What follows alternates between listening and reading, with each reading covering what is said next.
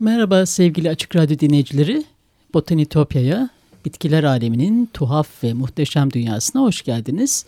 botanitopya.gmail.com e-mail adresim. Aynı adlı Twitter ve Instagram hesaplarım da var. E, programda değindiğimiz kimin konuların görsellerini buradan paylaşıyoruz. Takipte kalırsanız çok sevinirim. Ee, sevgili dinleyiciler bugün yanında yine çok e, değerli bir konum var. Daha önce de kendisini konuk etmiştim. İstanbul Kültür Üniversitesi öğretim görevlisi mitoloji ve Fransızca derslerinin sevgili hocası Mehmet Sarıoğlu ile beraberiz. E, kimi dinleyicilerim hatırlayacaktır. Daha önce kendisiyle e, Botticelli'nin İlkbahar tablosu üzerinden konuşmuştuk. E, Botticelli'nin klasik e, edebiyattan esinlendiği tablodaki çiçekleri gösterge bilim yoluyla o hikayeyi güçlendiren sembolik anlamlarını konuşmuştuk. Bugün yine Rönesans doğru gidelim istedik. Çünkü o, o gün e, konunun tadı damağımızda kaldı. Daha devamlı yapacağımızda konuşmuştuk. E, bugün e, Da Vinci'nin Müjde ve yine Botticelli'nin Venüs'ün doğuşu tablolarındaki çiçekler ve sembolik anlamlar üzerinden konuşacağız. E, bunları konuşmasak eksik kalırdı doğrusu. Hocam hoş geldiniz. Tekrar vakit ayırıp programa geldiğiniz için çok teşekkür ediyorum. Ben Nasılsınız? İyi misiniz? Ederim. Her şey yolunda mı? Eksik olmayın efendim. Her şey yolunda. Ben de çok zevk almıştım. Umarım bu sefer de inşallah öyle olacak. Bugün ben yine sözü size bırakacağım. Ee, isterseniz önce e, müjde tablosundan başlayalım. Oradaki çiçeklerden. Hay hay. Ee, sonra bak vakit bizi nereye doğru götürürse oraya doğru hay gidelim. Hay hay, hay efendim. Ee, Leonardo da Vinci'nin Annunciation müjde tablosu üzerinden konuşacağız ilk, ilk evet, olarak. Evet. Efendim tabii e, Rönesans, Rönesans demek bütün ufuk ile birlikte doğaya açılma, doğayı ne denli sevme ve bunun yanında da ister, ister kutsal e, tabloları olsun, görselleri olsun, isterse edebiyatta olsun artık e, bu doğanın içine serpiştirilmiş kutsal yönlü modellere de rastlıyoruz. Bu Anonsiyasyon Leonardo da Vinci'nin e, dediğiniz gibi bir müjdeli bir haberdir. Ve bu tema çok işlenmiştir. Rönesans öncesi ve Rönesans'ta da ince, e, incelenip hep e, görsellere dökülmüştür. Efendim Gabriel'in yani Cibril, Cebrail'in Meryem Ana'nın bulunduğu yerde birden karşısına çıkıp onu korkutmak amacıyla değil ama ama şaşkınlığa uğramıştır Meryem. İşte bu anonsiyasyon tablosunda bunu aynen görmekteyiz. 1472-1475 15. yüzyılın e, sonlarına doğru e, yapılmış bir tablo. Uffizi Gallery'de. Yani Aynen Uffizi'de ve kavak ağacı tahtası üzerine ama devasa boyutta yine. 98'i 217 santim. Aynen öyle. Hı. Aynen öyle. Efendim dediğimiz gibi işlenen e, öykü baş melek Gabriel'in e, İncil'i okumakta olan Meryem'in yanında birden belirip ona e, onu kutsayarak ki sağ elinde görüyoruz Meryem'i kutsadığını ve sol elinde de müthiş bir imge tutuyor bir e, zambak işte bu zambak üzerinde konuşmak istiyorum biraz. Zambak e, zaten neredeyse Meryem'in ikon göstergesidir. Meryem Ana'nın e, saflığını, temizliğini e, bize anlatır beyaz zambak. E, aynı zamanda safiyetin ve masumiyetin e, belirti göstergesidir ve Meryem Ana'ya atfedilmiştir. Anaç tarafı vardır Meryem Ana'nın da e, ve e, hem doyurgandır.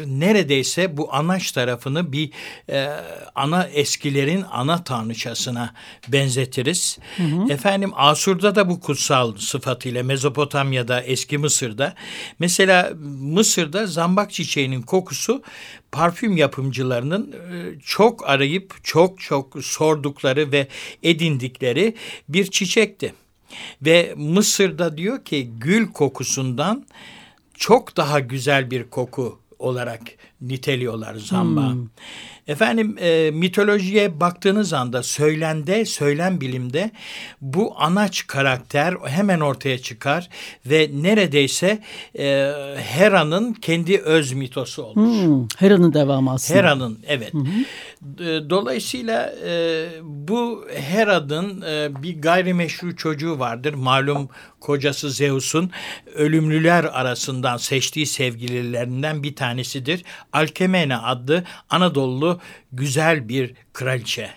Kocası Amfitriyon e, çok severek evlenmiş onunla ama yukarıda Zeus e, Alkemene'yi içi çeker ve Alkemene ile birlikte olmaya çalışır. Hmm. Ve sonunda Alkemene yani e, kocası Amfitriyon e, kılığında Alkemene'nin yanına yaklaşır ve Alkemene Herkül'e, Herakles'e gebe kalır. Efendim e, bu Herkül'ü ortadan kaldırmak için ta bebek odasına bile Hera hep diş biler ya hani gayrimeşru çocuğudur ya sevmez onu ve iki tane yılan bırakır ama Herkül Herküllüğünü orada bile bebekken bile gösterir ve yılanları boğazlarından tutup çıngırak gibi sallarken kafalarını birbirine çarpıp yılanların işini bitirir.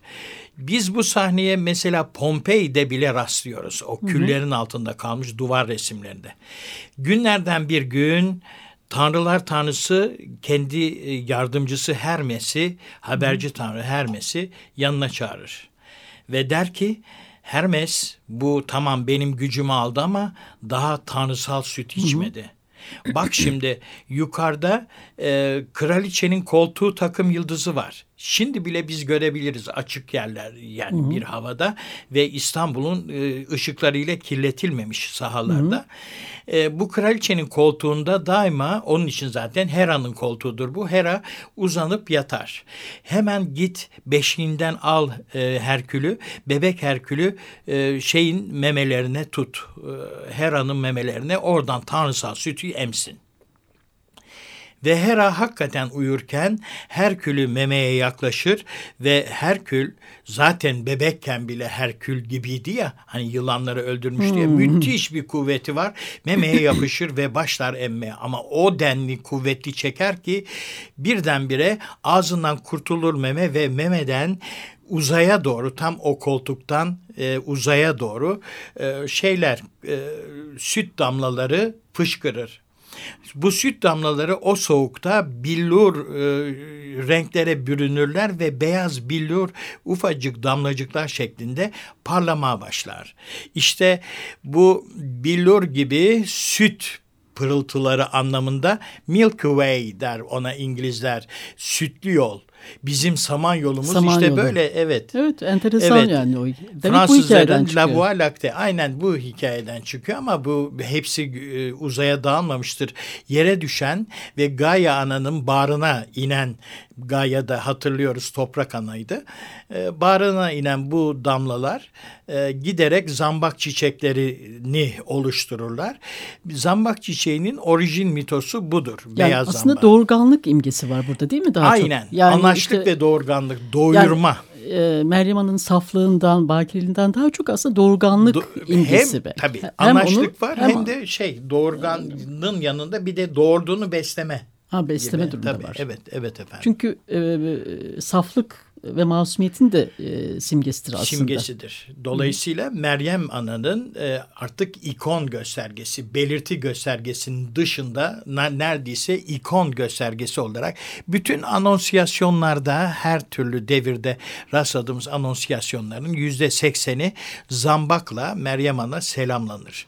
İşte zambak ona atfendir. Ama biz şimdi ilgili tablomuza dönersek daha anlatacağımız şeyleri de görürüz. Ee, şu zambakla ilgili şey notunu da ekleyeyim. Ee, da Vinci bu zambakla ilgili epeyce bir eskiz de yapmış. Yani bu, bu e, sonuç son derece gerçeğe yakındır zaten buradaki şey. Yani doğayı birebir yansıtma, doğayı yüceltme anlayışı da var ya Rönesans'ta. Bu zambak resmi gerçekten çok şey, çok e, gerçekçi e, ve bunun içinde bolca eskiz de yapmış. Ben hatta bir programımda da Vinci ve Dürer'den ve e, onların doğayı resmetme biçimlerinden ne kadar gerçekçi e, analiz ederek e, resmettiklerinden bahsetmiştim. Bu da önemli bence. Şüphesiz.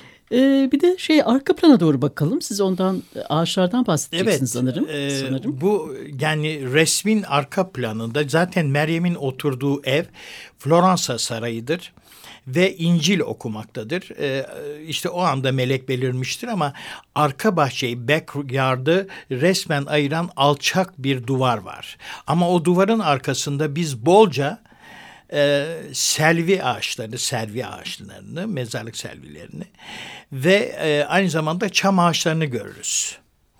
E, şimdi bu çam ağaçlarının, selvilerin de tabii e, çok önemli şeyleri var. E, mitolojik, mitolojik hikayeleri var. var. Mesela Hı. Selvi'de acıklı bir mitosu var. Zaten e, Selvi'nin e, boyunundan böyle eğrilmiş gibi yani uçları hafif eğiktir. Bu da işte bir ana tanrıça ağacı gibi algılanır ve e, mahcubiyeti gösterir bize. Servinin bir de aynı şekilde servi ağacının e, Siparisus adlı bir e, şeyi var, bir özelliği var. Hı hı. E, efendim yiğit bir avcı bu delikanlı. Hı hı. Şiir yazıyor, aynı zamanda avlanıyor. Doğayı da seviyor ama Apollo'nun dikkatini çekiyor. Apollo biliyorsunuz güzele aşıktır. Siparissus da e, şiirleriyle Apollo'yu mest ediyor. Ve birlikte avlanmaya başlıyorlar. Ama Apollo'nun çok güzel kız kardeşi Artemis'ten aldığı, Artemis'in ona hediye ettiği müthiş bir geyiği var bu değerli hayvan o kadar e, şey ki güzel ki e, mesela boynuzları bir mücevher gibi parlamakta, gümüş gibi böyle yanıp tutuşmakta hmm. ve e, toynakları da mesela bronzdandır ama hmm. bu evet bu geyik şeydir e, Siparissus'a hediye edilmiştir. Siparissus bunu artık öz arkadaşı benimsemiş. Onunla beraber her yere gidiyor. Ava bile onunla çıkıyor. Ama bir öğle sıcağında kötü kader parmağını oynatıveriyor. Nedir o? Güneş müthiş sıcak ve müthiş öğle üzeri müthiş sıcak işte. Çalılıkların arasına saklanı veriyor geyik. Hmm. Ee, ama bizim avcı e, o da etrafta avlanmakta ve birden çalılığın oynadığını görür. Hiç bilmeden kendi öz arkadaşı olan Gey'e nişan alır ve onu öldürür. Hmm, hüzünlü bir hikayeymiş. O kadar evet o kadar e, şey yapar ki Siparisius'un ölümü e, Apollo'yu o kadar e, etkiler ki hemen orada zaten Siparisius can çekişirken yahu tanrılar ya canımı alın ya bu, bu kaderle yaşayamam çünkü başka bir çıkır, çıkış yolu yok der ve hakikaten onun öldüğü vücudunun bulunduğu yerden e, resmen ağacı. evet hmm. selvi ağacı doğar. Aa, çok gözünü bir hikayeymiş. Evet bu metamorfik bir hikaye. Zaten selvi ağacının bizim kültürümüzde önemli bir yeri var. Hayat ağacımız değil mi? E, selvi ağacı. Evet o bu hani boynu e, hafif tepe, tepesinin hafif böyle eğik olması eğik da aslında olması. tevazuyu evet, gösteriyor. Aynen. Yani kendinden yüce olana bir e, itaat ya da e, saygı anlamında. Aynen. Tepesinin aynen eğilmesinde öyle bir sembolik anlamı da var. Yani Aynen. Çok... Mezarlıklara çok yakıştırdığımızdır bir şey, şeydir, bir ağaçtır. Biliyorsunuz onun kozalakları güzel bir koku çıkarır ve mezarlıkların iyi kokmasına e, e, neden olduğu gibi aynı zamanda da bir de şu var. Apollo fısıldar çok üzüntülüdür. Ben senin için yas tutacağım. Diğerleri de sen yas. Diğerleri için de sen yas tutacaksın. Hmm. O yüzden diğerleri dediği ölülerimizin gömdüğümüz mezarlık tabii ki. Hmm. İşte ağlayan serviyi bile e, yani cupressus funebris dedi. Funebre cenaze demek biliyorsunuz. Cenaze çamı işte Cupressus e, funebris ağlayan e, servi olarak da o mitolojide bu şekilde orijinini hmm. bulur. Hmm. Arkadaki bahçe çok gizemli bir e, bahçe değil mi hocam? Yani aynen öyle. Biraz aynen. da zaten sisler arkasında. Sisler arkasında evet e, ve arkadaki bahçede bulunan bir e, bina var en sağda. O da e, işte Floransa Sarayı mı? E, o Floransa Sarayı'nda değil o sisler arkasında e, şeydir e, e, Musa peygamberin ümmetini Egzodüs'ten sonra ümmetini götürüp yerleştireceği dağın etekleri olarak ha, algılanır. Evet, evet, hmm. evet.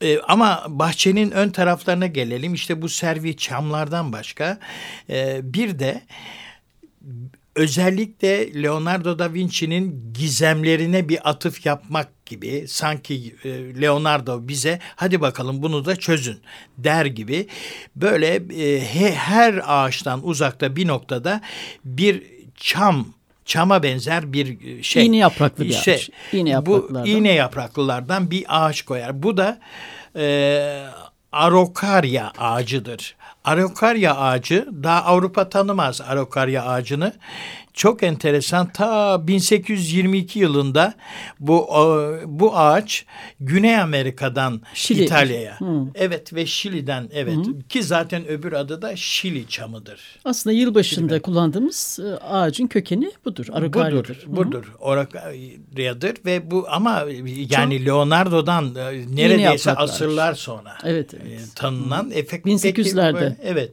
Bu böyle bilmece gibi. Yani e, zaten çok sık rastlarız biliyorsunuz. Son akşam yemeği tablosunda e, çanakların sayısı bellidir.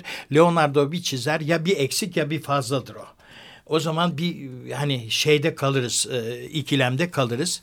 İşte bu e, Tabii çok resimde, tipik bir ağaç bu aslında. Görüntüsü o kadar tip cam, evet. O kadar tipik ki yani acaba benzer bir ağaç mıdır diye düşündük ama yani bu şüpheye götürmez ki arukarya ağacı aslında enteresan. Enteresan. Yani, yani belki bir, bir başka ağaç olabilir. Yani o kadar deruni bilmiyorum tabii ama benim de araştırmalarımda hatta bunun e, aynı belirttiğimiz ağaç olduğunu söyleyen e, şey var e, Fransız kökenli kitaplar da var. Hı hı. Ve buradan anlıyoruz ki hakikaten böyle Leonardo'nun gizemlerinden birisi. evet efendim. Evet. Bir zaman gezgini herhalde onu bilmiyoruz. Olabilir. Niye olmasın? evet. Evet çok ilginç. E, hocam bu müjde tablosu ile ilgili söyleyeceğimiz, e, ekleyeceğiniz bir şey yoksa isterseniz bir müzik arası verelim. Hay hay. Sonra Botticelli'nin hay hay. Evet, bu kadar e, tablosuna geçelim. Venüs'ün okay. doğuşunu konuşalım biraz. Tamam efendim. Evet sevgili dinleyiciler bir müzik arası veriyoruz. Ee, bir Rönesans müziği dinleyelim. Ee, 1500'lerin başından e, Thomas Tallis'in eseri If You Love Me dinliyoruz. Birkaç dakika sonra tekrar karşınızda olacağız. If you love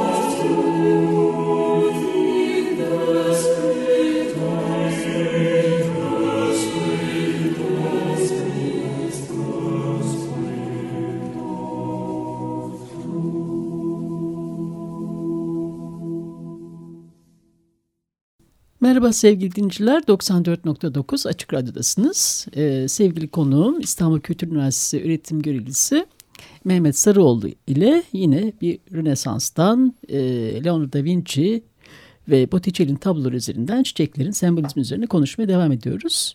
Evet şimdi e, sevgili hocam e, Venüs'ün doğuşu tablosu üzerine konuşacağız. E, nasıl bir e, neyi anlatıyor bu hikaye? İsterseniz oradan başlayalım sonra e, çiçek konusuna geri dönelim. Evet.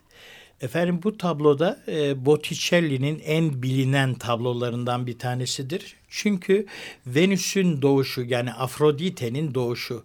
Bir kere Afrodite, afros köpük demek. Dite, diktum latince doğmak demek. Köpükten doğan. Demek ki biz Afrodite'yi köpükten doğan bir tanrıça olarak benimsiyoruz. Bu arada e, bu köpük de e, Hatay açıklarında oluşuyor ve burada Afrodite doğuyor ve alelade bir istiridye kabuğu değil doğrudan doğruya Saint Jean İstiridye kabuğuyla Kıbrıs adalarına kadar gelişini anlıyoruz. Ama bizim şimdi çiçeklerle ilgili şey yapacağız. Kahramanlar şöyle bize göre sol tarafta e, iki tane şahsiyet var. Bunlar hı hı. Zefiros yani batı rüzgarları ile eşi Kloris. E, Kloris'i zaten hani o ilkbahar tablosundan da hatırlayacağız. İlkbahar geldiği zaman ağzından çiçekleri evet. çıkaran bir e, kutsal. Hı hı. Kloris de rüzgar, batı meltemleri deriz ona da.